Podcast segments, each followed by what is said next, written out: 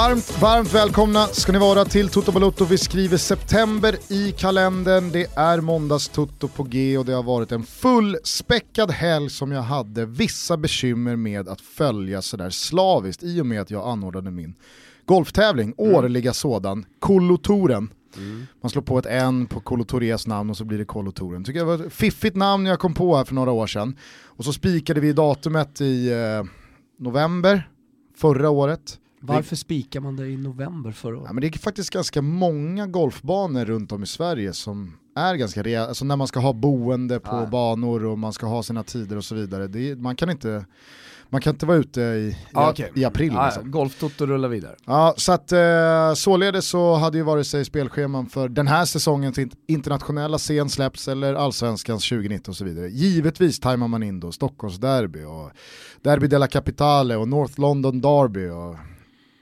Celtic Rangers som jag har noterat att väldigt många Helt plötsligt. Helt plötsligt skulle räkna in i... Ja, uh, jag har ingen aning om hur det gick i Celtic Rangers, vet du på stående foten? Nej inte susning, jag bryr mig inte heller. Nej men helt ärligt, eh, vi pratade om innan, men, men det var ju på 90-talet den stora matchen som alla svenskar skulle åka och kolla på. Och det hade ju givetvis med att eh, Henke Larsson var där och göra, sen så var det ju, alltså vi är ju britt, liksom fokuserade i Sverige och framförallt så var det ju så förr i tiden på 80 och 90-talet, då, då var det ju väldigt mycket den, den engelska fotbollen. Och Celtic ligger då nära, man skulle se The Old Firm och så. Nu, nu har den då växt till liv i Sverige igen. Mm. Eh, kanske är det AIKs kvalmatcher mot dem.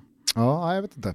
Men jag noterade i alla fall att när man började rabbla vilka stora matcher som spelas den här helgen så petade alla in, nästan som jag pratade med. Ja, så är det ju Old Firm också, Celtic Rangers. Alltså, jag, har inte sett, jag har inte sett Celtic Rangers på tio år. Nej. Och jag vet inte hur det gick. Nej. Kanske får vi reda på det under veckan, jag vet inte. Eh, det var ju dessutom Juventus-Napoli och där kan jag säga att den matchen följde jag med ett halvt öga, i alla fall hur det gick eh, hela tiden i matchen. Mm. I och med att eh, när jag såg... Jag börjar bli ett program där du är så här, jag är ingen talare men. Nej nej, jag skulle bara säga Alltså, jag vill tidigt i programmet brasklappa att jag har jo, det... den här helgen i ryggen, mm. således har jag inte lika många briljanta spaningar och eh, on-point-åsikter att komma med. Jag kommer däremot liksom så här, förhöra dig lite om helgen som varit. Ja. Jag skulle bara säga det kring Juventus-Napoli, den matchen hade jag extra fokus på under lördagskvällen i alla fall hur det gick. När jag då borta hos Betsson såg det helt sanslösa oddset 2-10 på ettan. Ja. Jag fattade ingenting av det, alltså visst Napoli är Napoli, men Juventus vinner knappt i första omgången, nu är det hemmapremiär för eh, säsongen, Ronaldo gick mållös mot Parma, Napoli släpper in tre mål mot Fio i premiären och så vidare och så vidare. Alltså det var det, det var inte något snack. Så att eh, lastade, lastade bort hos Betsson. och, eh, sen började det plinga in. Sen började det plinga in och när Ronaldo gör 3-0 i 66 då drar man ju en runda för hela gänget. Säg vad ni vill ha, pappa bjuder. Och så ja, tuggar det på, står och betalar, tittar på luren igen, 3-3. Frågade precis Svanen här innan vi gick in i studion. Har man någon gång sett Juventus tappa en tremålsledning i en match av betydelse? jag kan inte minnas, det måste vara någon eh, Champions League-match i så fall. Alltså så här, som jag på rak arm kan komma på nu i, på 10-talet. Ja, jag, efter, alltså så, här, så, som man, så som man har följt Serie A på 2000-talet mm. så kan inte jag minnas i alla fall Juventus ens tappa två målsledning men det löste sig. Det löste du sig. göra det för Juventus Ja, och, och på, på, så sätt så var det ju skönt för hela den här liksom tröttsamma tröttsamma historieskrivning att Juventus eh, har allt på sin sida och har eh, fått domslut med sig i hundra år. Liksom, att, att det inte är en tveksam straff eller en diskutabel offside. Eller, utan att det är ett självmål, det är Koulibaly som, som hänger upp den i krysset. Så att, eh, det blev ju bra ändå, 4-3 till Juventus och det var väldigt, väldigt kul. Mm. Eh, sen så var det ju eh, på väg hem igår då, från, vi var i Nissafors Mm. Nissafors bruk, Isaberg. Då var det ju Radiosporten. Älskar Radiosporten. Fina Radiosporten när det är fem allsvenska matcher. Ja. Mo! Vet han, Paul Schürrer. Eller något. Vad är det han heter? Så jag tycker alla som jobbar på Radiosporten är fullständigt briljanta.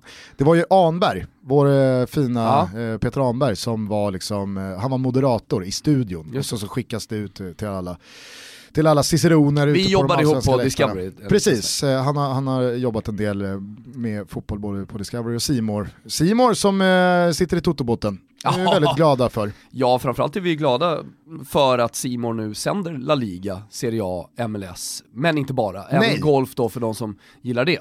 För de som gillar Peter Anberg. Peter Anberg är ju golfreporter mm. på Simor utsänd eh, med Fanny. Jävla på, cirkelslutning på vi får här. Det är otroligt. otroligt hur man får ihop Nej, det. Men, eh, jag, ska, jag ska bara påminna innan jag glömmer det mm. om att eh, eh de visar EM-kvalmatchen också. Vi går in i EM-kvalveckan, ska vi prata om sen. Exakt. Förhoppningsvis ska vi få in hit någon, någon trevlig landslagsspelare också. Ja, det vore väl på sin plats. Mm. Eh, nej men för 99 spänn i månaden så kan alla gamla Strive-abonnenter då teckna avtal hos Simor. Då får man som sagt hela Serie A, hela La Liga, hela MLS med Zlatan och gänget.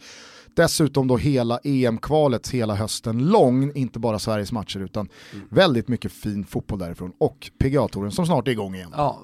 Var du på väg någonstans? Ja, då skulle jag säga det. Det var så extra fint då eh, när vi då efter 7-8 mil rullar in i Jönköping. För då bryts ju huvudsändningen av att liksom den lokala radiosportsändningen från Stadsparksvallen va, mm. eh, tar sig in för att eh, Jönköping och Daryl Smiler 3-2 mot Örgryte. Mm. Eh, ännu finare att få, få liksom den lokala känslan där, äh, när Jönet går starkt. Ja. Brännström, ja. Brännan och, och, Frank Pettersson i kassen och alltihopa va, det är trevligt. Mm, Brännan är ju en uh, Toto-favorit. Håller på att göra det riktigt bra med Jönköping här nu, tvåa va, i superettan bakom Mjällby. Får väl se om de tar sig in i den så penningstinna och eh, prestigefyllda allsvenskan 2020. Men nu är det allsvenskan 2019 va? Nu är det allsvenskan 2019 och framförallt så är det måndagstoto. Måndagstoto ska som sig bör alltid starta med ett svep Gusten. Och inte minst nu för din skull då. Ja, ja men yes. jag, jag spetsar öronen. Det var bamburör och schimpanser, råttor stekta i smör i matchen som har kallats århundradets derby. Ja, eller framförallt var det 45 000 sångglada, något påläskade allsvenska supportrar som skapade en inramning som höll det man brukar kalla för högsta internationella nivå. Gnägget hängde ut storkuken och avfärdade i alla fall för mig diffen tämligen enkelt. Och nu lever allsvenska toppstriden på ett sätt som man sällan skådat. Vilken jävla höst vi går emot ändå Gugge. Från den då internationella bollen kan vi rapportera om fortsatt problematik för Manchester United och Chelsea. Eh, det tror jag inte har undgått dig Gusten. Londonlaget klarar väl sig eftersom omständigheterna är som de är, men United, vad ska vi göra med denna motivationsnedmonterade bjässe egentligen? Ja, det kanske kan vara läge att ta in en tränare värdig uppgiften, för nu är det faktiskt så att vi vet att Solskär aldrig kommer lyckas med rådande förutsättningar. Va?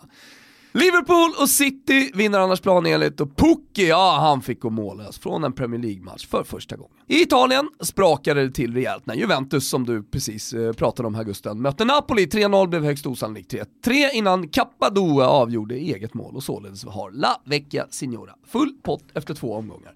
Det ska dock sägas att det kan bli lite rörigt nu framöver, tror jag, utan Chiellini, innan De Ligt har hittat rätt i sin nya backlinje. På full pott står även Inter, och Torino inom parentes, som tack vare ett straffmål av Lukaku tog en tung skalp på Sardinien. Men lyssna nu, ska ni få höra. Om Kimpa vill så kan det vara, jag är inte säker, läge för en liten mordslinga i moll att rulla. Vincenzo Montella, Planino, återvände till Italien efter att ha misslyckats kapitalt i Sevilla. Han avslutade sin spanska lilla session med nio raka matcher utan seger. I Fiorentina, håll i er nu, har han lett laget i just nio matcher. Av dessa har han en pinne i första matchen samt en biscotto-pinne i matchen mot Genoa. Totalt pratar vi alltså om 18 raka ligamatcher utan seger.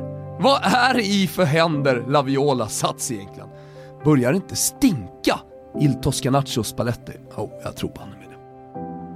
Hörni, i Spanien fick både Real och Barca kryss samtidigt som Atletico seglade iväg och är nu ensamma på nio fulla pinnar. Alexander Isak fick hoppa in, mål men en halv meter offside förstörde målfesten. Nu närmar han sig dock en startplats med stormsteg och åt det första målet, ja det lär säkert inte dröja. Slutligen noterar vi Rennes första förlust i liga, Dortmunds första Bundesliga samtidigt som Bayern München fått fart på maskineriet. Och Super Mario hörni, ja det är många som frågar. Varför spelar han inte i Brescia? Oh, men han är avstängd i fyra matcher hörni gamla synder. Härligt! Du var på plats på Friends igår som eh, du precis förkunnade i svepet. Och det måste man ju säga, även fast eh, vi ofta får då kritik för att vara lite Stockholmsfixerade. Vi är ju från Stockholm va? Ja. Det, det, är här vi lever och andas. Mm. Och när det då är ett tvillingderby Pratar du precis som brännan i Jönet för fan? Kom igen. Exakt. Det är liksom den airtimen som eh, Jönköping förtjänar. Ja, det tycker jag tycker jag. alla får vad de förtjänar. Tvillingderby tillika seriefinal inför över 45 000 på eh, nationalarenan i eh, den 23 omgången. Alltså så här, det blir ju inte mäktigare eller större. Nej, det är ju typ sista omgången och allting ska avgöras. Jag menar, ja, det är klart eh, man kan hitta på scenarier, men nej, det var, det var otroligt mäktigt. Alltså, just med de förutsättningarna också som man visste att liksom, vinner Djurgården den här matchen, då kommer det bli tufft för övriga att hinna ikapp. Ja, inte minst och, för AIK. Ja, exakt. Och då hade väl någon slags sämsta vecka på 2000-talet, äh, okej okay, man har åkt ur och så vidare, men de senaste ja. tio åren då, ja. hade väl då avslutats. Ja men jag, jag menar det. Och... Fullständigt praktfiasko mot Celtic och hela då liksom Europasatsningen. Nu ska AIK in i ett gruppspel, nu ska AIK börja ta ikapp ja. på Malmö FFs ekonomiska försprång och så vidare. Man får en kanonlottning initialt, men det slutar med att man åker med 6-1, 7-1. Ja, men sen, sen, så var det ju siffror som... Jo, jo, det är klart att det rinner iväg, men det blir någon slags prick över ett dystert i. Mm. Och när då Djurgården i fyra poängs försprång kommer på besök. Alltså ett kryss hade varit jobbigt, en förlust hade ju varit ja. med AIKs spelschema kontra Djurgårdens spelschema här nu i absolut närtid. Jag ser ju Djurgården ta 9 poäng kommande tre. Mm. Så känns det som att då hade man dessutom spelat bort sig från guldet till värsta antagonisten. Ja, ja nej, men, och det var ju det som liksom spetsade till hela den här anrättningen rejält igår. Eh, men men därför tycker jag också att det var imponerande av AIK som, som jag ska, tämligen enkelt avfärdade, kanske var fel uttryckt i svepet. Det lät så på Radiosporten kanske? Ja, ja, men alltså så här, Djurgården skapade inte speciellt mycket chanser. Jag tycker att den, den farligaste chansen som de har det är på i typ 96-97 minut, minuten när Astrid eh, liksom via ett eh, AIK-ben skickar den precis utanför stolpen. I, I övrigt så är det inga så här solklara chanser. Sen har de ju mycket boll sista 20-25 och, och verkligen så pressa ner AIK, men det tror jag, ja men så blir det med två stycken ändå liksom så här, kvalitetsmässigt ganska jämna lag. Mm. Eh, och när man försvarar det 1-0 resultatet på liksom, ja, med, med näbbar och klor och allt vad man kan och man vet hur mycket det betyder. Men sen så är det ju inramningen som är helt sjuk, jag menar jag, jag har varit på otroligt eh, många stora matcher runt om i Europa. Eh, och, och, har väl upplevt det mesta liksom. Eh, och, och, och det, det, här är där uppe liksom. Det här det, det är otroligt. Eh, det, det, enda som liksom kan göra det ännu bättre, det, det är väl akustiken på Friends som tyvärr inte är maximal. Men, men, men det blir ju eh, så jävla mäktigt när man har tre etage öppna och, och, och liksom just Alltså derbyn är derbyn, det blir alltid fett, men när det är smockat och, och så 45 000 det gör någonting liksom. Det är ja, jävligt mycket folk på, sen på är det ju, samma plats. Sen är det ju så att Friends har lidit av att den är bara mäktig inramning med alla tre etage öppna när det ja, också är, det. är 45 000 plus. Det blir väldigt lätt en öde känsla, trots att det är 33 000. Mm. Alltså jag har varit på derbyn på Friends där det har varit 33, 34, 35 000. Det är fortfarande 15, 16 000 tomma stolar och de syns tyvärr lite för mycket. Det blir liksom en för, en för stor inverkan på helhetsintrycket så att jag kan verkligen tänka mig att Alltså att se allsvensk fotboll på Friends Arena när det är 45 000 plus är jävligt mäktigt. När det dessutom då är en treetage fylld bortaklack mm. från ett så pass röststark liga som Djurgården. Mm så är det ju, nej, det måste varit, eh, måste varit ja, jävligt, som, äh, jävligt häftigt. Ja, men, och det, det är ju det som blir också när man åker på ett bortaderby som Djurgården gör i det här läget, då sjunger ju liksom alla tre etage. Så eh, när de, när de har sina de som klassiska är där, är där ljudtoppar, ja nej men exakt, alla, alla sitter ju tillsammans. Det är, det är inte jättemycket djurgårdare på långsidan utan det är framförallt AIK. Så sen brukar det, blir, det väl kunna bli, det mäktigt liksom. Sen brukar det väl kunna bli och sen, lite... Jag ska bara säga det, så svarar AIK då med, med sina ramser som, som tar över hela arenan. Ja men då blir det i stort sett då liksom, ja, halva mot halva och allt det där alltså ja. man vill ha. Ja, jävla häftig stämning. Sen blir det väl eh, som det ofta blir när det är otroligt tillspetsade matcher som gäller så jäkla mycket, att just laget som ligger under Mm. Men även ibland laget som leder också kanske inte står för sina bästa läktarinsatser över 90 minuter för att det är så pressat Jaha. och stressat och liksom, folk mår dåligt. Det är ju många i AIK-kurvan som eh, har pressat sina röster den senaste tiden. Det har varit inte bara för spelare om match var fjärde dag utan även för supporter, får man tänka lite på också. På tal om, att växeldra, väl lite. på tal om att växeldra mellan klackar så hörde jag faktiskt från Östgötaporten igår på Radiosporten hur Bayerns, vad var de, 3000? Ja, 4 tror jag. 4000 och eh, hemmasupportrarna Norrköping jag, jag har inte fått det bekräftat utan det var bara vad jag hörde. Att de då istället för SVFF, eh, fotbollsmördare, kör ja, SMHI, var fotbollsmördare. Det, var det från den matchen? Jag såg klippet men jag visste inte att det var från... Eh... Jag vill minnas att det var det. Jaha, ja ja. ja jo. Kul! Ja. Ja, lite lustigt. Ja men lite halvlustigt ja. får man ändå säga. Eh, nej men eh, jag, jag, måste bara säga att jag, jag, tycker att det är så fascinerande hur fotbollen fungerar rent mentalt. Alltså inför seriefinalen förra veckan när Djurgården åkte ner till stadion i Malmö så pratades det om att ja, men Djurgården har gjort det jävligt bra mot Malmö i många år och även fast de spelare för spelare inte ska kunna tävla med Malmö FF över en hel säsong så har de satt sig i den här positionen välförtjänt. Och Djurgården var det bättre laget på Tele2 tidigare i somras och så vidare och så vidare. Och så åker man ner och visst, Malmö, det är klart att det är lite stolpe ut med missad straff och jättelägen från Rosenberg och de hade väl eh, varit ganska förtjänta av ett kryss i den matchen men det går ju inte att säga någonting om att Djurgården gör en dålig insats eller någonting när de lämnar 1-0 och, och tre poäng rik rikare. Nej. Och då, tänker man, då, då, då, vaggas man ju in från den matchen hela vägen in i, i derbyt mot AIK att mm. men det här Djurgården är ett annat lag. De mm. verkar ha liksom fått ett starkare pannben under Kim Bergstrand och Tolle Lagerlöf och de har fått en stabilitet där bak med Marcus Danielsson i spetsen och de har en grinta som eh, kanske inte riktigt har präglat deras spel senaste säsongerna. Så att nu blir det nog fan i mig annorlunda och dessutom så ser man Djurgården för första gången någonsin tror jag starta som oddsfavoriter. Mm. Eh, alltså tvåan är lägre än ettan på, på Betsson och andra spelsajter. Men så blir det liksom samma visa igen. Det är mm. mjukglass och det är liksom en överkörning, inte resultatmässigt, inte bollinnehavsmässigt och så vidare och så vidare. Men alla ja, men samlade, in, alla samlade intryck mm. som jag har nåtts av och dessutom lyssnat på Rickard Henriksson och hon kommentatorn på, på Radiosporten som jag tycker är ganska bra, som jag inte har namnet på just nu, jag ber om ursäkt för det. Alltså de, de förmedlade ju var 15-16 minut att så här, nej Djurgården ser inte, de är liksom inte nära.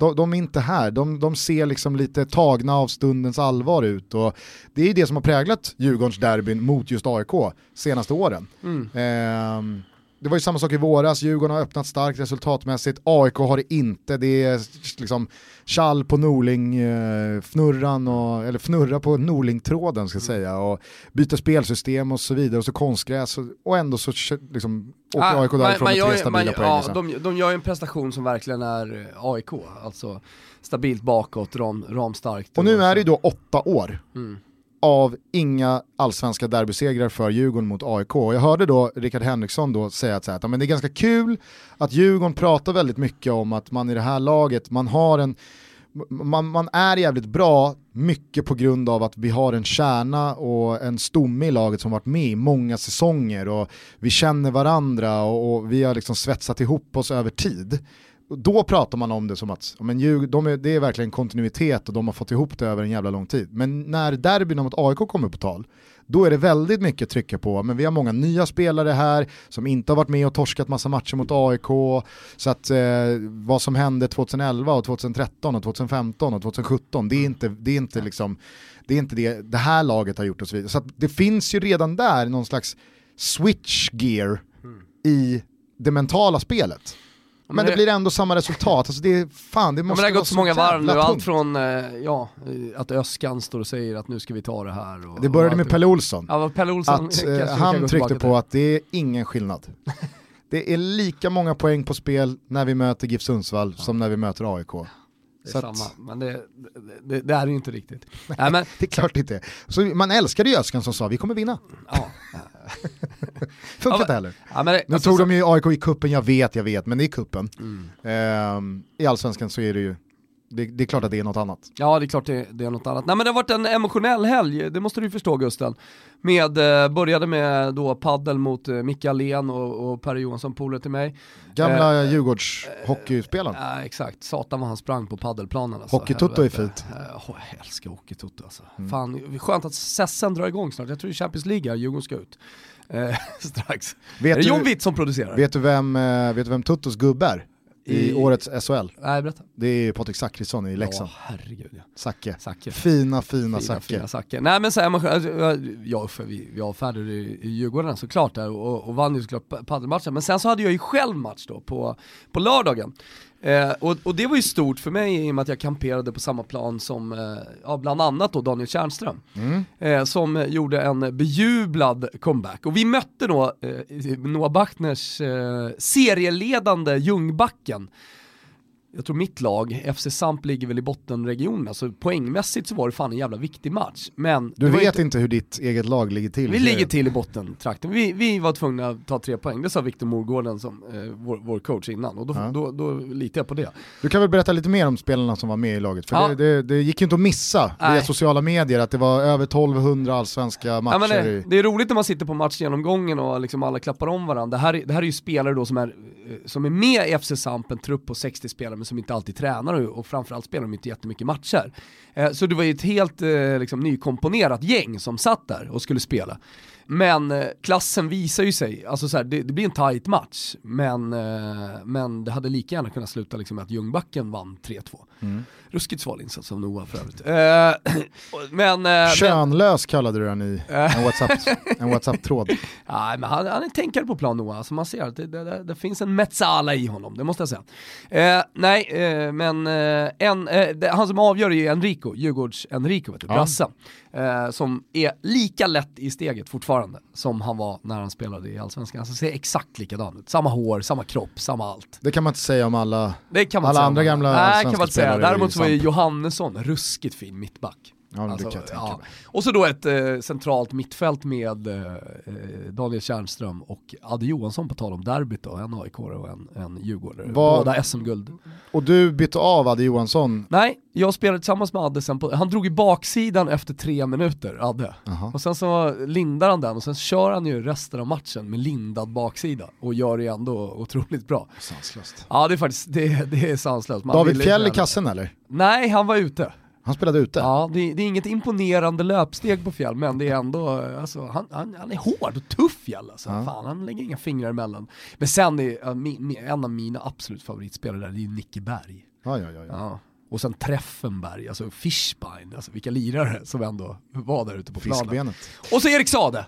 Ja, ja Erik Sade var ja, med. Ja, och från ja. mediahåll, eh, och... mediahåll så var det Patrik Ekwall och Simon Bank eller? Nej, Simon kunde inte, eh, men han var sjuk. Men jag, jag och eh, Ekvall, var det någon mer?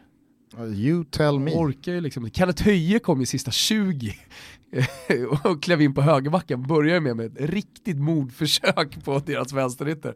Alltså Kenneth Höje är stor. Alltså, han är stor. Alltså, jo men alltså, nu är han alltså, bredaxlad så inåt helvete, det är liksom bickar och alltihopa. Alltså, det är sånt jävla mordförsök. Eh, sen är ju målet offside som vi har 3-2 på i 89 det är offside. Viktigt. Eh, och eh, obefintlig straff eh, som vi får eh, efter den offside. Alltså, Dunderingripande av keepern. Börjar det lukta riggad? Nej, nej för vi Riggad tillställning? Nej, men det, det, vet jag inte. Om för jag menar, det, finns väl, det finns väl likvida medel i det här gänget att eh, skramla ihop till en ja, fan, ordentlig swish han är, till domaren. Han är en fastighetsmogul Fishbein. Mm. Alltså. Eh, så att eh, absolut, det, det, det, går nog att swishas till. Men nej, vi skulle nog haft två, tre straffar. Eh, två i alla fall. Ja, ni tjänade ihop till den? Vi tjänade ihop till den. Men det var ju såklart mäktigt att liksom, lira, framförallt då med, för, för min del med Kärna, men så här, med Adde Johansson, liksom, ha någon passningskombination med honom, lägga upp bollen till Enrico. Liksom. Skulle, skulle ta bollen, vänder upp offensiv planhalva, lira Enrico och så kommer så här, hyfs, ja, en mot en liksom, i högerläge. Jag tar ju löpet in och är helt ren Fan lägg bollen Enrico! Jag sa det till honom direkt efter. Fan Enrico, lägg bollen! Och det är också så härligt i efterhand att man, man fick vara lite smålack på Enrico. Mm. Ja. Uh, ja men ta med mig, det var, det var en stor uh, fotbollsupplevelse men jag förstår att vi inte ska prata så mycket mer om den. Men det Nej, var roligt! Det, det, var, det, förstår jag. Uh, det, det, var ju dock några divisioner ner från allsvenskan och jag tycker, för att då väga upp den här Stockholmsfixeringen, så var det ju såklart inte bara eh, tvillingderby på Friends som eh, spelade roll, utan som du var inne på i svepet så drar det här ihop sig till en allsvensk tätstrid som är av sällan skådat slag. Alltså Malmö studsar ju tillbaka från den där torsken mot Djurgården, dels med att ta sig in i Europa Leagues gruppspel och dels då med att eh, spöa på Kalmar med 5-0.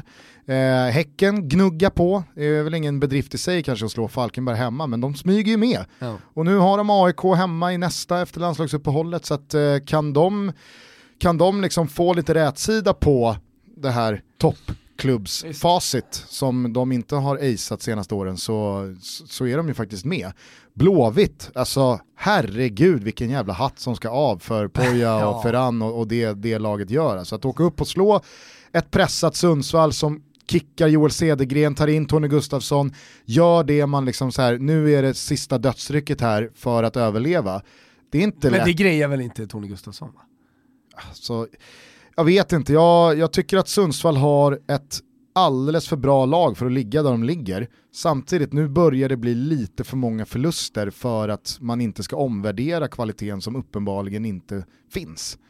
Eh, men jag tycker inte det förtar någonting i alla fall från Blåvitt som, som åker och slår ett liksom pressat bottenlag på bortaplan, man gör det återigen genom att hålla nollan, det är konstgräs, man har haft lite skadebekymmer, man har blivit av med bärande spelare under sommaren. Alltså fan, jag tycker att de är riktigt, riktigt bra i Göteborg, de spelar bra.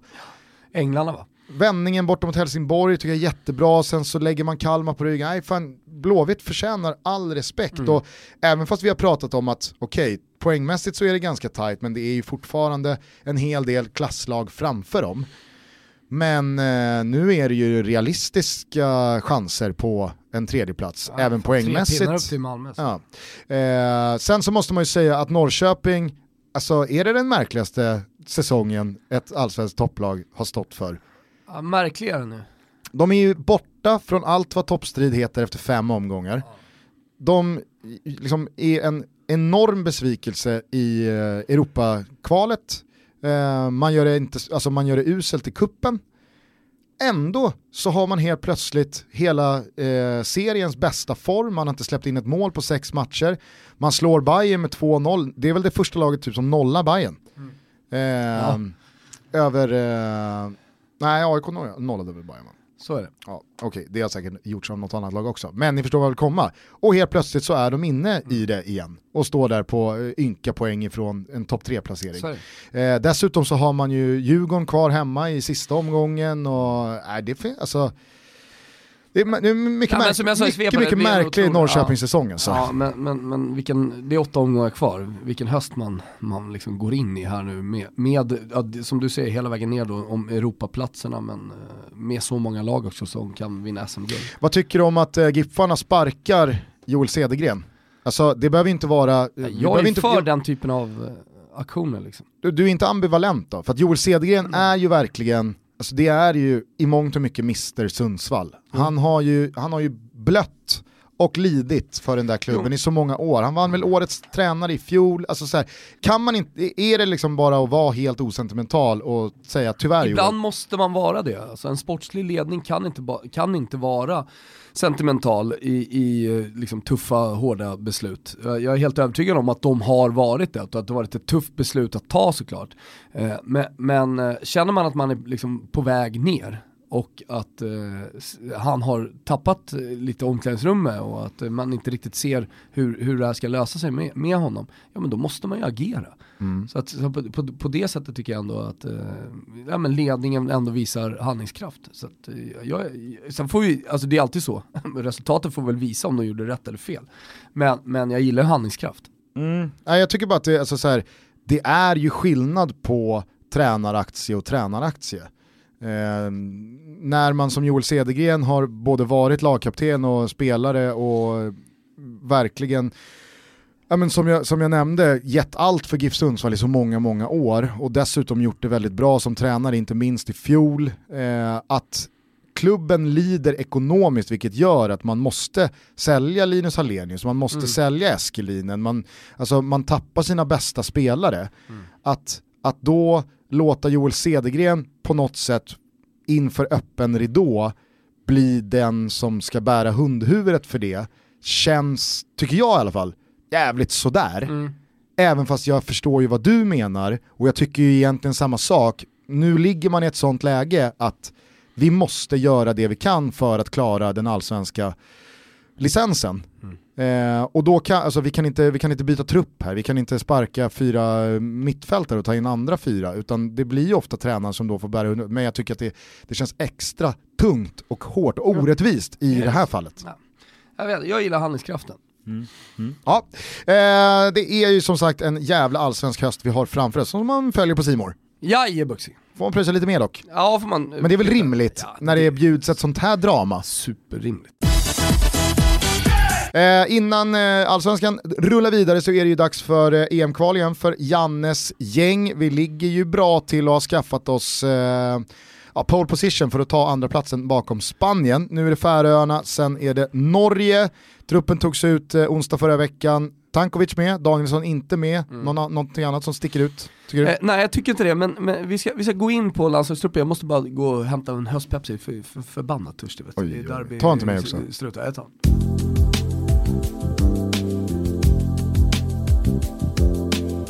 Pepsi Max med limesmak. Oj. Ja, den är faktiskt ruskigt fin, den är grön. Om ni som inte har testat den borde faktiskt göra det. Lite det, höstigt grön. Ja men den är höstigt grön och du vet ju hur mycket jag gillar en eh, sommar-Pepsi med is och sen då citronskivan. Höstvarianten är ju bara öppna upp och så är limesmaken, citrussmaken redan i flaskan. Är du ah, men det är för bra. Det är för bra. Mm. Eh, nu då, tillbaka till... Eh... Fan vad fint det här sitter eh, efter, efter ett derby och bara svepa en jävla Pepsi. Mm. Tillbaka då till eh, de stundande EM-kvallandskamperna och truppen som Janne ja. tog ut, det var ju en väldigt omdiskuterad trupp, många slet sitt hår. Kanske inte du, du är väldigt rädd om de stråna som sitter kvar. ja, det ska gudarna veta. Att Andreas Granqvist var med i truppen, men herregud, det var väl ingen som var Nej, alltså, alltså på dels, riktigt förvånad av oss att nej, han var med. Nej, det var det inte. Och sen så tycker jag, alltså, den är egentligen lite gjord hela diskussionen nu.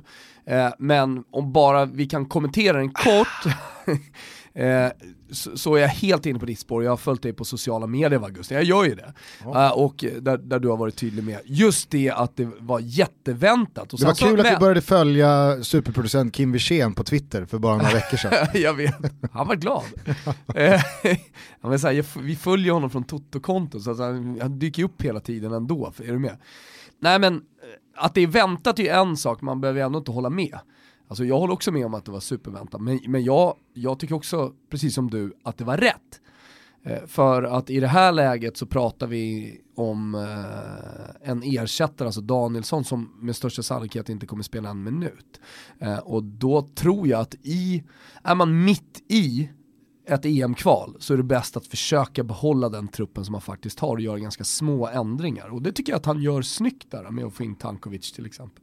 Så att eh, varken förvånad eller, eller upprörd. Och jag är inte upprörd över att Pertan inte heller är med. Alltså om jag ska vara helt ärlig. Nej och jag tycker dessutom folk glömmer lite att det är en väldigt stor skillnad på Helsingborg som nykomling i allsvenskan under en stormig säsong med två tränarskiften och så vidare och så vidare och ett Janne Andersson organisatoriskt svenskt landslag mm. som möter, bortsett från Spanien, ganska så beskedligt motstånd. Mm. Där har ju faktiskt Andreas Granqvist, bortsett en halvsvag insats eh, tillsammans med väldigt många andra i Norge i våras, ja. eh, i en halvlek ungefär, har ju han varit väldigt, väldigt stabilt bredvid Victor Nilsson Lindelöf. Mm. Och defensivt så finns det ingenting att klaga på, resultatmässigt finns det absolut ingenting att klaga på. Han är dessutom lagkapten och han har i samförstånd med Janne kommit överens om att nej men jag kör. Mm.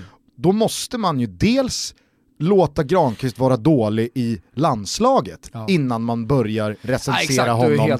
Man kan inte liksom så här, nej han gjorde det dåligt i Helsingborgs match mot Falkenberg, ja. därför ryker han från mitt lag. Och då är det, alltså säga vad man vill, men det är skillnad på en mittback och det är skillnad på en lagkapten gentemot en ytterfältare eller timing. en anfallare. Alltså det Men så det, håll med om att det är skillnad på timing också. Jag tycker att vi absolut ska ha diskussionen Granqvist eller inte Granqvist. Mm, ja, ja, självklart. När, om, om vi nu skulle gå till EM, om man ska med till, ja. till EM.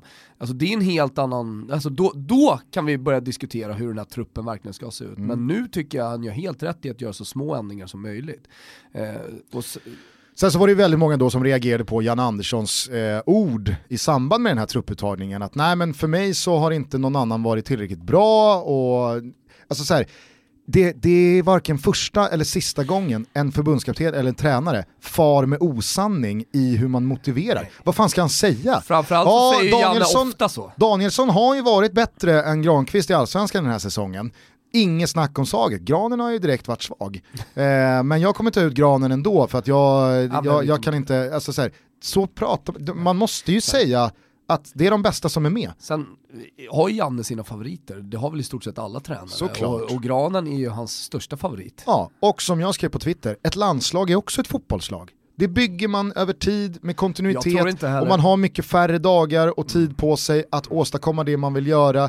Både gruppdynamikmässigt, träningsmässigt, ja. eh, spelförståelsemässigt, alltså så här spelar vi i det här laget. Då är det klart att det väger jättetungt till fördel för de som har varit med tidigare mm. kontra de som gör ett bra halvår och visar en formtopp. Mm. Det blir ju tyvärr ödets lott för många.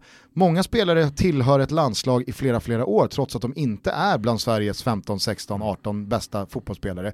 Och vissa har inte en enda landskamp på kontot för att man har, eh, man har liksom oflyt i dels konkurrens, mm. eh, dels att, som du är inne på, förbundskaptenen som sitter har sina favoriter. Alltså, det, det, det är så jävla mycket parametrar som spelar in att det är självklart Sen. att han som har varit lagkapten och mittback i ett lag som har gjort sina bästa eh, landslagsår på 25 år ska eh, han, han, han, ska ju ha en längre planka att gå på innan han hoppar i sjön än vad Andreas Granqvist har hittills. Ja, och eh, Janne har väl byggt upp eh, tillräckligt stort förtroendekapital under den tiden han har varit förbundskapten så att man faktiskt kan lita på hans laguttagningar, även om man inte behöver hålla med om allting. Liksom. Exakt, för det var det jag skulle komma till som nästa punkt. Vi har ju faktiskt haft en förbundskapten under Erik Hamrén som i flera år föll för det mediala trycket och folks påtryckningar om att ta med den här spelaren, ta med den här spelaren, ta med den här spelaren, för att han har gjort två matcher nu i Premier League, eller mm. den här spelaren har gjort mål i fyra allsvenska matcher idag rad. Och hur bra blev det? Mm. Det blev inte så bra när Hamren populistiskt tog ut den spelaren som var hetast för tillfället varje gång. Så att, nej, jag, jag, jag litar jag tycker, på Janne. Janne är min absolut. förbundskapten och han har inte gett mig några anledningar som helst att tvivla hittills. Så att då får man helt Men, enkelt lita på hans omdöme. Sen kan man ju tycka att det är lite anmärkningsvärt att John Guidetti kommer med som inte har spelat fotboll på, klubbfotboll på, på väldigt länge. Nu såg jag här att han är stort sett klar för Anderlecht, det är inget officiellt men... Eh, Nej men just det, det är ju deadline day idag eh, ja. för alla som har missat det. Det har skett en del här nu på dagen, eh, Svanemar sitter och rapporterar om att Icardi nu är riktigt nära PSG. Mm. Roma har ju klart med både Mkhitaryan från Arsenal och Kalinic mm. från... från Diego Simeone och Atleticos frysbox. Men så, så här, jag fattar att du garvar, men helt ärligt, och det vet jag att du håller med om också, Kalinic är en bättre nummer två bakom Dzeko än Schick. Absolut. Så att det, det är ju ett uppbyte. Alltså när han kommer till Fiorentina från Dynamo Kiev va? Så, så är det ju alltså, en spelare som spelar i kroatiska landslaget som man har ganska stora förhoppningar på. Mm. Eh, och sen så har han ju hamnat, som du säger, i en frysbox. Jag tror nog att han kan bli lite supersub i Roma. Men Mkhitaryan vet jag inte ens vad, vad, har, vad man har längre. Men okej, okay, JG är alltså på väg mot Anderlecht? Ja, det är det sista. Okej, okay. ja, nej men jag kan hålla med dig om att... Fan, nu fick jag nästan en feeling att jag var nere på Ata Hotel eh, Executive nere i Milano. Ja, det är det senaste. Satan vad fort det går för på... att transportera dig emotionellt och mentalt till Ata ah, Hotel. Alltså det, det, Om det är, är den snabbaste mentala resan jag kan göra.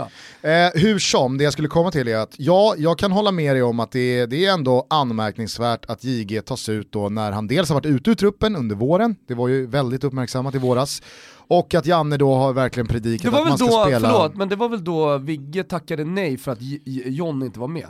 Allegedly. okay, ja. eh, nu är han med igen, men helt ärligt så var mitt hetaste motbud när man började titta på konkurrensen, det var Jordan Larsson. Mm. Och han har precis bytt eh, miljö från Norrköping och Allsvenskan Stor till eh, Moskva i Ryssland. Han har inte heller varit med i där, laget. Där funkar Janne Surr med att det finns faktiskt inte någonting bättre. Nej, alltså det, det, Sebastian Andersson är ju med. Vad gör han? Ja men han var ju för fan med i veckans lag igen i kicker, han Oj. gjorde ju mål i Union Berlin va? Oj. Ja, de, han gjorde mål mot Dortmund. Mm. Mm. Fan vad fint, kul! För Sebbis. Och sen så har ju alltså så här, de, andra, de andra som har, har, varit med i diskussionerna har ju svalnat. Alltså mm. Antonsson, som alla ville ha in i våras och så vidare, han har ju inte gjort en allsvensk säsong som har stuckit ut på något sätt.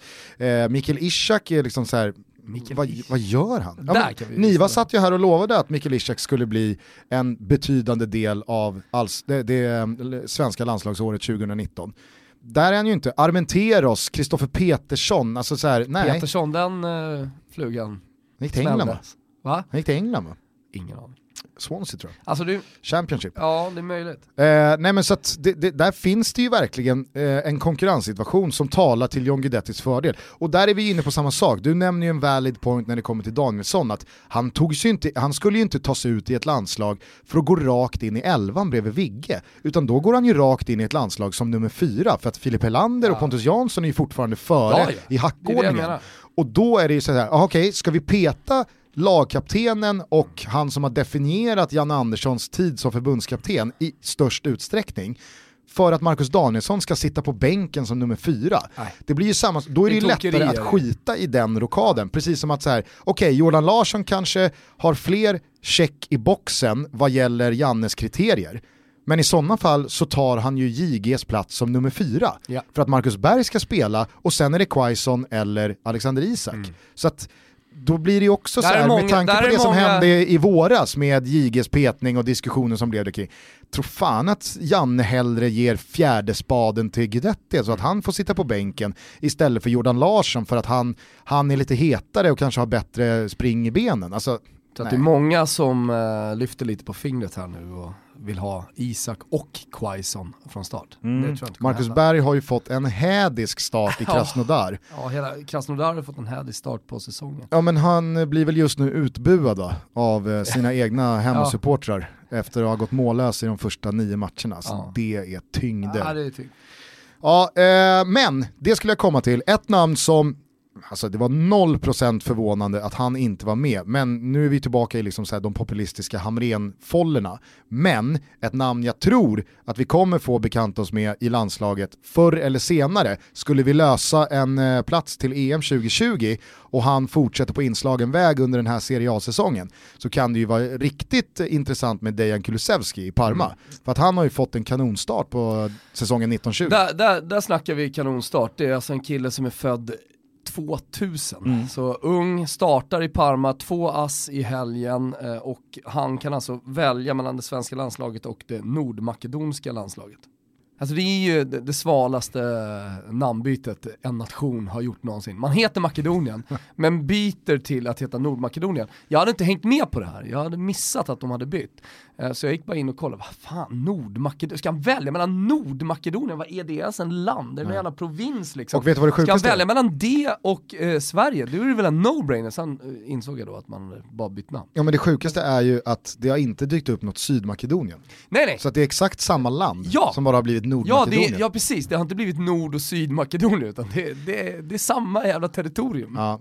Nej, men, eh, och sen eh, finns det säkert någon nu som, och ni får jättegärna mejla, vi vill veta allt om Nord Nordmakedonien och namnbytet eh, och vi finns på totobalotto.gmail.com. Eh, berätta för oss, för att jag vet att det är nu många som skakar på huvudet eh, och sitter inne på en historia här av varför det är så här. Nej, men på tal om Kulusevski och Parma så är det många som har skrikit om Gagliolo senaste tiden. Janne var ju hos oss i våras och vi, vi ställde ju frågan om Riccardo Gagliolo. Ja, han är med på listan också. Men han har ju spelat, spelat, vårt spelare nu till sist och han har ju spelat både vänsterback och mittback och vänster en trea. Sådär, så att han har finns du följt med. honom? Jag har följt honom så tillvida att jag har koll på honom men han, det har inte varit glödhet att ta med honom. Men, men han, är med, grund av, han, han är med på listan. Ja, Ja, dels är han ju han, han, är, han är ju inte purung längre. Det är en grej. Eh, det är en spelare som, som skulle komma från absolut ingenstans och jämför med de vi har haft med nu så tycker jag de är bättre. Helt enkelt. Av olika skäl har de varit bättre. Så här långt. Ja, han, har, han är med på listan. Exakt, men Det där låter är ändå det, lite svag. Ja, och där är det ju mot eh, åldern och ska han då gå rakt in, vems plats? Alltså, du vet, det, det, Ja. det är ju helt andra förutsättningar för Dejan Kulusevski som tillhör u landslaget och Mm. Han har eh, liksom spelat i, i, i pojk och ungdomslandslag i alla år. Eh, BP-fostrad. BP-fostrad, gjort jättebra, som du är inne på, han är 19 år. Det här är ju en spelare som verkligen har framtiden Mm. för sig. Också i en lagdel som behöver, i mitt tycke, lite fart underifrån. Ja. För det har ju varit väldigt mycket ja, men, samma gäng här nu, Mm. mittfältet och framåt, i många år. Det har kommit lite Ja, alternativ Quaison på och Isak är ju fina liksom. Absolut, men eh, jag, ska säga, jag, jag ser Kulusevski på sikt vara med och, och liksom, Om hans utveckling fortsätter som eh, den liksom har börjat så att säga Absolut. i, i Italien. men med Quaison, Isak, Kristoffer Olsson, kan man få då ytterligare en till Kulusevski, då har det ju faktiskt, då har ju återväxten i landslaget det senaste året bara verkligen gett hopp Mm. om framtiden. Mm. För att den VM-truppen som gick till kvartsfinal och gjorde ett fantastiskt resultat, det var ju fortfarande en trupp som man tittade på och kände, ja, fast är det här lite styltigt. Ska det här gänget göra det i 2020 också, då blir det nog inga kvartsfinaler. Nej. Men, men jag ska säga det för protokollet och de som undrar, så är han ju en offensiv mittfältare. Mm. Och eh, där har vi Viktor Claesson skadad. Eh, så att jag menar det, det är ett ganska stort hål Men ändå eh, lite som mer han har lämnat va? efter sig. Eh, Kulusevski. jag, jag, jag, jag kan tänka mig att han kan spela på alla de positionerna och Mm. offensivt. Eh, ska bara säga det kort om landslagsuttagningen där. Jag tycker det är kul att Tankovic kom med. Det har han verkligen gjort sig förtjänt av den här allsvenska säsongen. Jag tycker också, som jag var inne på, att det är andra parametrar när det kommer till offensiva spelare, yttrar, Mm. anfallare, offensiva mittfältare och så vidare. Det är lättare att gå på dagsform med en sån spelare för att han ska gå in och spela sitt spel och göra sin grej från en ytterposition, sista 20 kanske, en, en halvtimme. Så där, där, är, där är det andra parametrar som gäller än kring, kring Marcus Danielsson. Men det jag tycker är jävligt intressant med uttagningen av Tankovic, det är ju att det faktiskt bara är Jimmy Durmas och Emil Forsberg eh, i truppen Mm. som spelar på Tankovics positioner. Mm. Således är han ju, han Sampa Larsson då? Sam inte med, Nej. eh, Ken Nej men jag menar de som kommer bakom här, så Sam, Ja, Sam, ja, jag menar borde så här, finnas en... hade Sam varit med Ja. så hade jag ju sett på Sam som första, Exakt. som första alternativ till Jimmy Durmas och eh, Emil Forsberg. Varför är han inte med? Ja, det kan man fan undra. Fan, han, han, han har strulat runt ganska mycket med just Sam känner jag, Janne Ja. Andersson. Han har varit tydlig med många, men med Sam har han varit väldigt eh, hattig. Ja. Nej men Sam är inte med, Ken Sema inte med, Nej. Hiljemark fortfarande out, Rodén inte med. Mm. Så att, Ja, men, eh, Hiljemark eh, kan jag säga, han har ju haft en, ett problem med en höft. mm, han lämnade nu, ja, han skulle gick till Moskva, Ja. Lokomotiv Moskva ja, något. Ja, säkert bra cash. Ja. Och he- helt okej sportslig utmaning också. Hans tjej får ju dock en liten ny verklighet. Hon Ja, är, det de är är- med i Playmakers.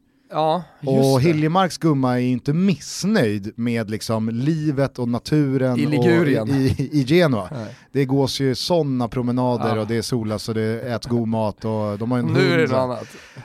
Utkanten Moskva. Det kan bli något helt annat. Det kan bli något helt annat.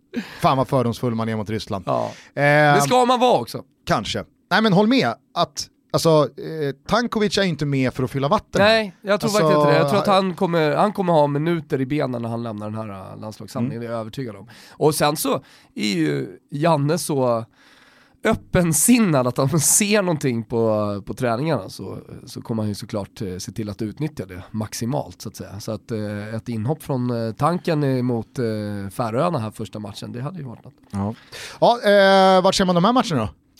Tror du? Simor som vi har sagt. Du, nu ska jag berätta om Stramaccioni Gustav. Har du hängt med i svängarna? Vi pratar alltså om Andreas Stramaccioni.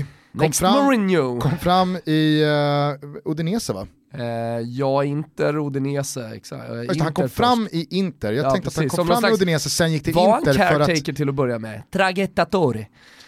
Alltså han omnämndes ju, stämplades ju som the next Mourinho. Ja.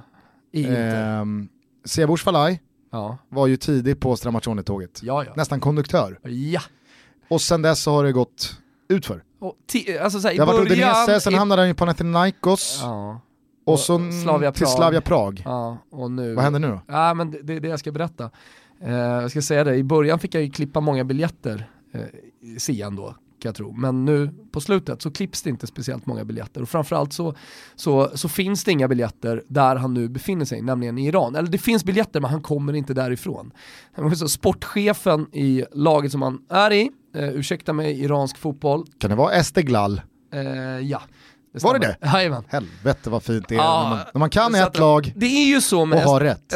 Estegla, de eh, på något sätt eh, är statligt ägda. Nej men kanske inte statligt ägda men, men staten har någonting att säga till om, förstår du? Centralmakten i Iran har någonting att säga till om i, i liksom, Det är lite Stoja Bukarest läge. Oj, oj, där har jag grejer att berätta, men det tar vi nästa avsnitt. Ja. Eh, jävlar har det hänt grejer där alltså. I Stoja? Inte, inte, jag, inte i Stoja, men i rumänsk fotboll med Bekali och alltihopa, presidenten där i Stoja. Okay. Alltså, jag tror de har bytt tränare fyra gånger på försäsongen, varav den ena tränaren sparkades under match. Uh, och han, uh, Bekali har ju själv varit nere och suttit på bänken. Alltså det är han som tar ut laget.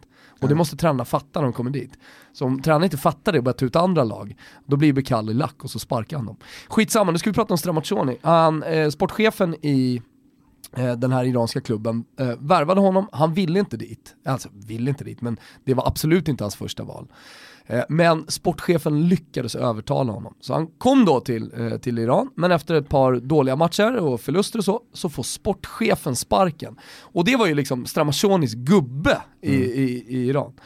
Eh, det här följs då upp av en presskonferens eh, som låter så här. About me is two months full of problems. I will not give up, but what's happened today is no respect for me, for my professionality.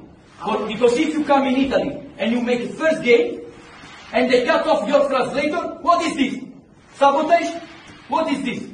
But I will not give up. I will stay here. I will not give up. We give up. I fight. You know what? For fans. Because fans are very good in Esterland. Fantastic fans. And this is no respect. Congratulations to Mashin Sazi and this is all. Thank you very much. Ja, som du hör, det är Malisani light, det är liksom strunts uh, all mm. over again. För alla som inte vet vad Malisani pekon var. Alltså det här då. Ma come dove siamo, cazzo? Cosa è diventato il calcio? Una giungla, cazzo! Cosa ridete? Che? Cosa ridete, cazzo? Cosa ridete? Cosa ridete? Abbiate rispetto della gente. Io non lo sono, cazzo! Qua si fanno le cose seriamente, cazzo! Fatela finita, cazzo! Ja, eh, och sen så och har vi... Struns signerat då... Uh... Ja men släng på Struns också. Aber gesagt, sie nicht spielen für die italieners äh, Meisters. Strunz! Strunz ist zwei Jahre hier gespielt, sein Spiel. Ist immer verletzt. Was erlaubt Strunz?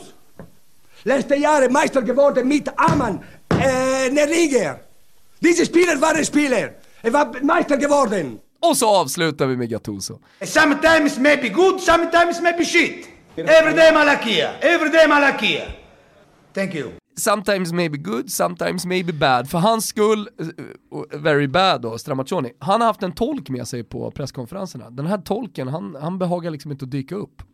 Helt plötsligt när han satt på bänken, han kan, han kan inte kommunicera för ingen pratar engelska. Nej. Så han måste ha tolk med sig på träningar och matcher och allting. Kommer ner på matchen sen, efter att han uh, haft den här presskonferensen, tolken är inte på plats. Han är på läktaren. Så Stramaccioni kan inte prata med sina gubbar. Alltså, alltså det är omöjligt. Ingen spelare i Esteghlal fattar. fattar ett ord Nej, engelska. Fattar, fattar ett ord engelska. Alltså det har blivit ett... Hur fan är det möjligt? Uh, ja, det, det, är så i alla fall Gazzetta dello Sport rapporterar, som jag har läst här. Hur som helst, han ska få nio dagar led, han ska få ledigt nu när det är landslagsuppehåll och, och allt sånt där. Så han åker till... Tränaren? Ja. Uh-huh. ja. Han skulle få åka hem och hälsa på familjen. Ja, kommer till flygplatsen. Då visar det sig att hans turistvisum har gått ut. Men han har ju arbetstillstånd. Alltså, så, så att, eh, det är ju inga konstigheter. Men app, app, app. Han får inte lämna landet. Så han är nu kvar fängslad, höll jag på att säga, inte, inte på riktigt då, men bildligt liksom, fängslad i Iran. Och eh, han har ingen tolk, så han kan inte kommunicera med någon. Och eh, han har ett lag som inte fattar någonting och han kommer inte därifrån. Så ett jävla läge för Strama, next Mourinho. Vi följer den här situationen nära och lovar upp Hur gick det i matchen då? Eh, jag tror faktiskt att de, eh, nej de förlorade i slutskedet tror jag. Ja. Så att, eh, ja, det, är jobbigt, jobbigt läge för Stramaccioni.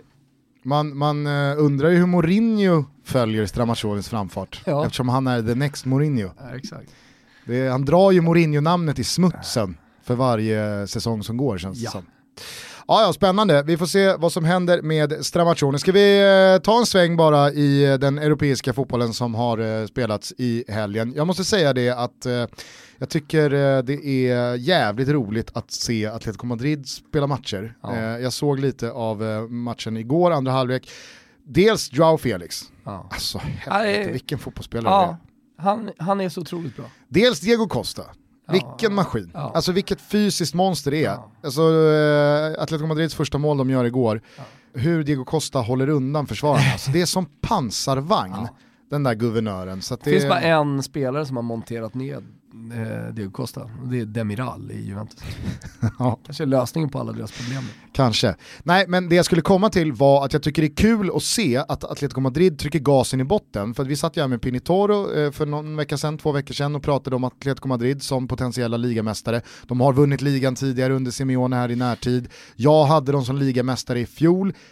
I och med att Barcelona och Real Madrid snarare känns fixerade av Champions League-bucklan. Det är den som definierar en Barca-säsong eller en Real-säsong. Så vet vi Atletico Madrid att gör vi bara jobbet i La Liga så kommer vi ha i princip de interna matcherna mot Real Madrid och Barca om ligatiteln. Mm. Barca står på fyra poäng efter tre omgångar, Real står på fem. Mm. Atletico Madrid står redan på nio. Alltså de har fem poäng ner till Barcelona. Mm jag tror inte man kan släppa iväg Atletico Madrid så jävla mycket längre alltså. Nej. För de är för stabila. Sen tror jag inte de, eh, de där två lagen kommer att släppa iväg Atletico Madrid speciellt mycket. Men, men det, det är som du säger, alltså, det, jag, tror att, jag tror att det är ett tåg som man måste haka på. För eh, helt inne på samma linje som du med att det, det, här, det här kommer nog bli eh, många vinster. Ja, och alltså, jag, ser, för, ser för jävla bra ut. Alltså. Och, jag tror verkligen att, fönster. och jag tror verkligen att Diego Simeone, han prioriterar ligan över Champions League. Mm. Han vet att så här, vi är tillräckligt bra för att gå vidare ur alla grupper vi hamnar i. Men därifrån, så tar vi tar det därifrån. Mm. Otroligt hur man lyckas ersätta liksom en sån spelare som Griezmann, bara sådär. Och känslan är ju fan att det har blivit ännu bättre med Jao Felix. Ja. Och för framtiden dessutom. Lite svajigare bakåt kanske, man har släppt in eh, någon boll för mycket, men Diego Godin har lämnat. Alltså, eh, Juan Fran har lämnat, mm. Filipe Luis har lämnat, alltså du vet så här, mm. det är också en metamorfos att gå igenom. Mm. Så att, eh, jag, jag är mäkta imponerad av eh, Atleticos eh, mm. eh, ligainledning. Imponerad tycker jag också man ska vara över eh, eh, Il Derby eh, della Capitale. Mm. mellan Roma och Lazio.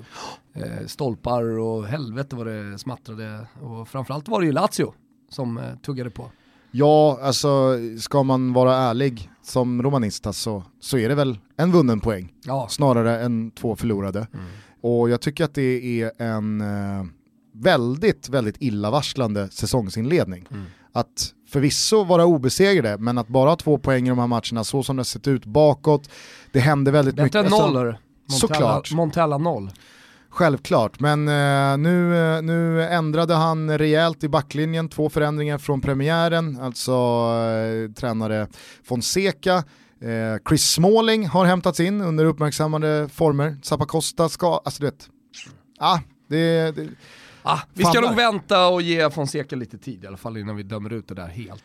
Jo, så är det väl. Eh, men eh, jävla bra Lazio ser ut alltså. Mm. Kan man inte säga om Sampdoria. Hell Där Eusebio Di Francesco har Nej. ridit in hos Albin och gänget och eh, fått sju i brakan första två. Ja. 4-1 mot Sassuolo igår. Ja, en av målen man gör då är på straff från eh, Quagliarella. Så att, eh, det, det, är en eh, mardrömsinledning för Sampdoria. Jag tror att detta har att göra med, på något konstigt jävla sätt, jag vet inte hur de här processerna liksom funkar i klubbarna men jag har sett det så många gånger. Klubben är på väg att säljas eh, till Viallis Cordata som man säger i Italien, eh, Gianluca Vialli, klubblegendaren som eh, vann en scudetto med bland annat eh, Mancini en gång back in the days. Och David Platt va? Jag tror David Platt är med på någon, eh, något litet hörn också. Alltså det, det, det är ett gäng då finansiärer som leds av eh, Gianluca Vialli och eh, supporterna drömmer ju såklart om att ha Gianluca Vialli som president och ägare av klubben eh, och, och sådär. Men vad är det hans företag, vad gör de? Alltså, jag vet inte vad, riktigt vad Vialli gör, alltså, han har ju tagit in pengar här va? Alltså han tar in kapital, alltså för att köpa. Okej, okay, så det är inte... Alltså det är ett gäng finansiärer ja. som han representerar. Ja, så Vialli personligen har inte postkarriären gjort nej, superkarriär nej, själv, utan nej. han har mer varit ansiktet det kanske, utåt. Han kanske har lyckats med finanser, jag har ingen aning, eller fastighetsköp, eller eh, liksom, jag vet inte hur han har investerat sina pengar. Men eh, där man framförallt har sett honom har ju varit i Sky-studion, där han har varit eh, pandit och, och, pratat väldigt bra om, om fotbollen. Eh, men eh, ja, på något sätt som sagt, jag vet inte hur, hur de här grejerna funkar, men jag tycker att det ändå är ganska uppenbart att eh, turbulensen kring klubben nu, det påverkar också i slutändan resultatet på planen. Mm. Sen gör, ska det ju såklart inte bli sju i brakan som du säger, men, men någonting har det nog gjort. För att det är ju mer eller mindre samma lag som var förra året som, och de gjorde det betydligt bättre.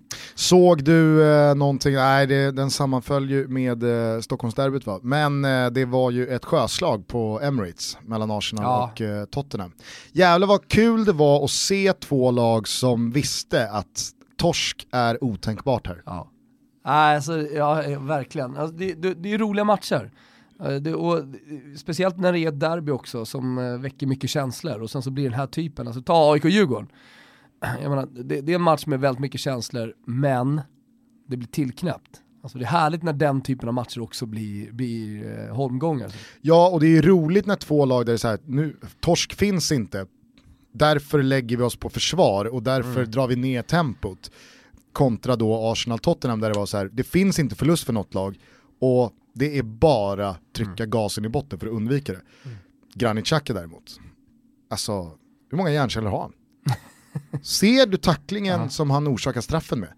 Det, alltså man kan inte, man kan inte, man kan inte göra så. Nej, man kan inte gå in i en duell. Du kan göra så en gång, 20 år gammal, mm. första gången. Men när du får det röda kortet eller när du drar på dig den straffen och är då liksom så här ensam syndabock, då måste man ha lärt sig att så här, så där kan jag inte göra en gång till det där är väl femtonde gången Granit Xhaka gör sådär ja. i sin karriär. Vi satt här med Hoffman när vi pratade upp Premier League-säsongen och oroade oss just över det. Varför har Granit Xhaka en bärande roll i detta Arsenal? Mm. Det är ju min största Stående invändning fråga. kring Unai Emerys kapacitet. Mm. Ser inte Emery att den här spelaren ska inte vara på plan? Mm.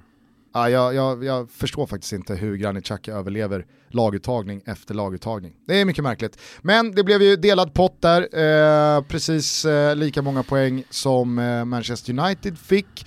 Chelsea tappar 2-0 till 2-2 hemma mot Sheffield United. Det är oroväckande att de tappar 2-0. Mm. Nej, men jag skulle bara landa då i att så här, City och Liverpool har ju direkt stuckit. Ja precis som alla trodde, men kanske inte så här tidigt. Alltså i fjol var det Chelsea som hängde på, var obesegrade länge under Sarri, Tottenham var med i matchen mm. hela vägen in i, i, i våren, även fast det givetvis inte var någon som trodde att de skulle till slut stå där med ligabucklan, men de hakar ändå på. Nu känns det som att Ja, man slåss, det är bara september, tidig september, det är hur mycket kvar att spela om som helst.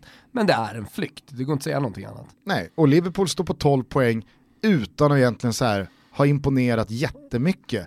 Jag tycker de är bra mot Arsenal ja. förra veckan, men mot Burnley är det återigen en sån här, man gör jobbet, mm. det är liksom inte wow, det är... Helt perfekt med andra ord. Salah passar inte Mané, Mané passar inte Salah, alltså det är liksom Kör på. Ja, de trummar på. Nej, så att, eh, det, det, det är skönt att man kan ha någon slags teori som sitter någon gång, även fast det var den mest uppenbara och givna på förhand. I uh, slutet på förra veckan också så lottades ju höstens Champions League. Jag tycker bara att du får reagera på grupperna här, ja, om folk har missat. I grupp A så blev det PSG, Real Madrid, Club Brygge och Galatasaray. Mm, stackars turkar och belgare. Ja, det blir väl uh, slagpåsarna. Ja. Det är väl rimligt och mm. tro. Det är korta kommentarer här Gustav. Bayern München, Tottenham, Olympiakos och eh, Röda Stjärnan utgör grupp E. Mm. Greker och serber åt helvete där va. Men, känns det inte som att det kan bli riktigt fina läktarmatcher? Ja det kan det bli. Gillade Röda Stjärnan i fjol alltså. Mm. Olympiakos, Röda Stjärnan, ja det kan bli jättefint. Grupp C, Manchester City, Shakhtar Donetsk, Dinamo Zagreb och Atalanta. Mm. Börjar ju lukta andra sidan för Atalanta va? Mm, ja, de är fjärde sidade i den här gruppen. Snacka om att få en bra grupp. Ja, otroligt bra. Och det här har man ju såklart nosat upp i Bergamo och nu, nu är man hoppfull om att faktiskt ta sig till en åttondelsfinal, det hade varit otroligt. Men alltså, Atalanta, fem insläppta. Mm, jag vet. Första två mot ja. Spal och Torino. Det finns att jobba på. Det får man verkligen säga. Grupp D, Juventus, Atletico Madrid, Bayer Leverkusen och Lokomotiv Moskva. Jag har redan sett många så här, åh nu kan det bli eh, Atletico Madrids revansch då för uttåget. Jo fast båda kommer ju gå vidare. Exakt. Det, det, finns ju inte att Juve Nej. och Atletico missar avancemang mot kusarna och Nej. Lokomotiv Moskva. Grupp E, Liverpool, Napoli, Red Bull, Salzburg och Genk. Här blir mål. Såg du för övrigt, Satan vad det blir mål i den här gruppen. Såg du för övrigt att Napolis officiella Twitterkonto skrev till Gent? Ja. Inte Genk, Nej. de skrev till fel. Exakt. var, var är det Lustig spelar förresten? Är det Gent eller Genk? Det är väl Genk. eller? Jag fick precis mest festen från, Gust, äh, från Lustig. Uh, han, Hans... han verkar fit. Uh, inför, inför, uh, inför Färöarna. Oj vad gott mm. att höra. Mm, mm, mm. jag vet bara att uh, Lustig spelar, nej han spelar i Gent, för Lustig spelar i det laget som har en indian som ja, klubbemblem. Ja. Och det vet du är Gent? Ja, det vet jag är Gent. Eh, Känns ändå lite osäker.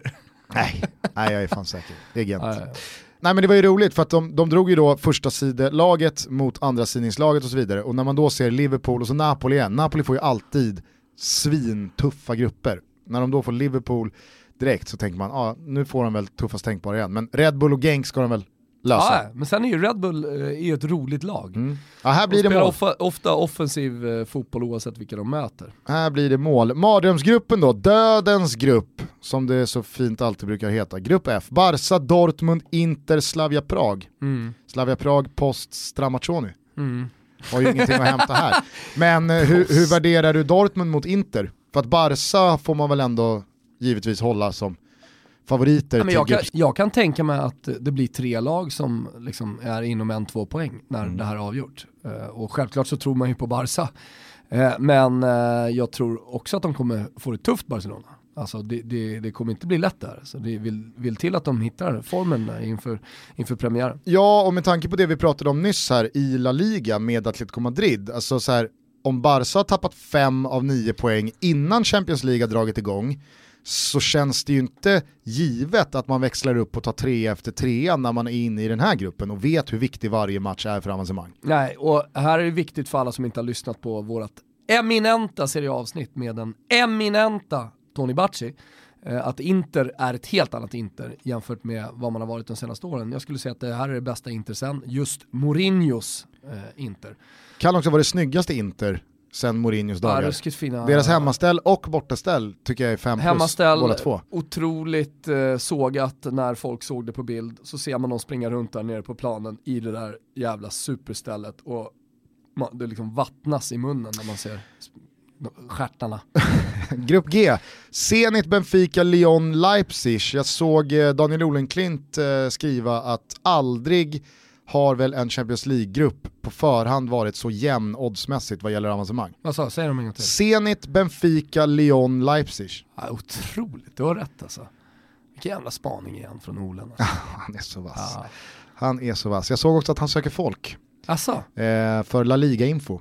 Så okay. att är det någon där ute som eh, känner att man har en expertis kring spansk fotboll vad gäller eh, lag och spelare och skador och vad det innebär och eh, ja, men, mm. vad, vad, vad efterfrågar han? Mer ja, exakt det, att, att han inför då omgångar får till exempel infon att en jätteviktig högerback i Osasuna är out eh, och att det är någon juni som ska in på den positionen och han ska möta då någon jättebra vänsterytter. Liksom den typen av spetsinformation, liksom. Mm. det, det, vill han ha. Vill man då lära sig av ett Wise spelproffs eh, så kontakta Daniel Olenklint via Twitter. Wise betting heter han som sagt. Kan man lära sig mycket? Ja, det kan man. Grupp H då, avslutningsvis, för jag misstänker att mm. du är på Olens spår här, du har inga favoriter nej, nej, nej. i Grupp G. Nej, nej, nej, nej. Det är nej. Öppet som landskapen. Uffe Lundell skriver om. Ja, jag såg för övrigt. Tänkte komma tillbaka till Jag såg för övrigt sån jävla klasstweet för några dagar sedan. Uffe Lundell ska ju upp i någon rättegång här nu för någon fyllekörning. Eh, och så kom det som en nyhet på Twitter, då var det någon som hade subtweetat den och skrivit han trivs bäst på öppen anstalt. Det är kul. Jävla roligt alltså. Grupp H, sista gruppen, Chelsea, Ajax, Valencia och Lille. Det är roligt för att man sjunger i huvudet. Exakt. Trivs bäst. På öppen anstalt. Ja. Chelsea, Ajax, Valencia, Lille. Mm. Ajax fick ju slita för att ta sig till det här gruppspelet. Mm. Men väl där så mm. måste man ju faktiskt säga att de drar en fördelaktig ja. lott. Chelsea känns svagare, även fast de inte ens var med i Champions League i fjol. Men alla som har följt Premier Leagues inledning har ju sett att Chelsea har rejäla problem ja, med betydligt så. sämre lag än Ajax.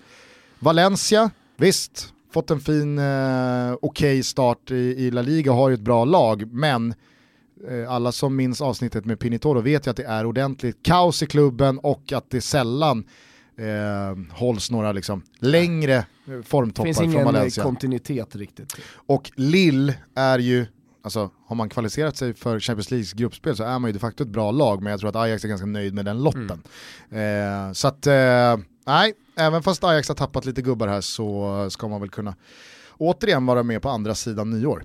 Vilken jävla härlig tid vi har framför oss. EM-kval, vi ska försöka få hit eh, någon spelare och sen så drar Champions League igång. Ha! Vi gör varsin långtidare, borta hos Betsson för den här Champions League-hösten. Eh, till helgen så kommer en Toto-trippel till EM-kvalet, kanske då båda Fina Sveriges matcher. Fina specialarna. Ja, specialarna inför Sveriges matcher, blir väldigt roligt. Eh, så att, eh, håll ögonen och öronen öppna mm. via våra sociala så missar ni ingenting av allt roligt Ska vi gör tillsammans med våra vänner hos Betsson. Jag, jag har också noterat att Espanyol går åt helvete. Pinitoros spaning inför La Liga-avsnittet där. 0-3 torsk mot Granada. De har inte gjort en kasse på tre omgångar. Nej, nej det ser jättesvalt ut. Samtidigt då som... Eh, de har det tungt, taxichaffisarna i Barca. Ja, de har det riktigt tungt. Vem var det han hade spelat, eh, skulle göra en del mål? Nabil Fekir. Just det, så var det. Eh, har väl öppnat okej. Okay. Ja. Det börjar dock bli dags för Alexander Isak att starta mm. eh, i Men Sociedad. Det, nu gjorde han ju mål, det vart avblåst eh, för offside och den var klar men den var inte stor. Nej och jag tror också att när Alexander Isak kommer tillbaka eh, från två landskamper med Sverige och har gjort minst en kasse mm så går det inte att hålla honom utanför startelvan längre. Då är, det, då är han där för att stanna. Lagom till att eh, Toto Balutto eh, åker ner med två lyckliga själar i den Alexander Isak-tävling som vi hade tillsammans med Strive i somras. Exakt, det är många som har frågat om den nu helt plötsligt har brunnit inne, men det har den såklart inte, utan det är bara Simor som tar över och gör vad då Gusten? Eh, levererar pyntar. Pyntar gör de också. ja. Eh, så är det. Hörni, jag tycker att vi eh, avslutar dagens avsnitt med eh, Uffe Lundells eh, det var väl många som ville ha den eh, som så här, slopa du gamla du fria. Ja. Jo, men det är Gör öppna landskap, ja, den inofficiella eh, nationalsången. Ja. Eh, Kimpa visslar igång eh, Öppna landskap. Jag och Thomas Wilbacher säger återigen tack för att ni har lyssnat på Toto Balutto så hörs vi snart igen. Det gör vi. Ciao tutti. Ciao tutti.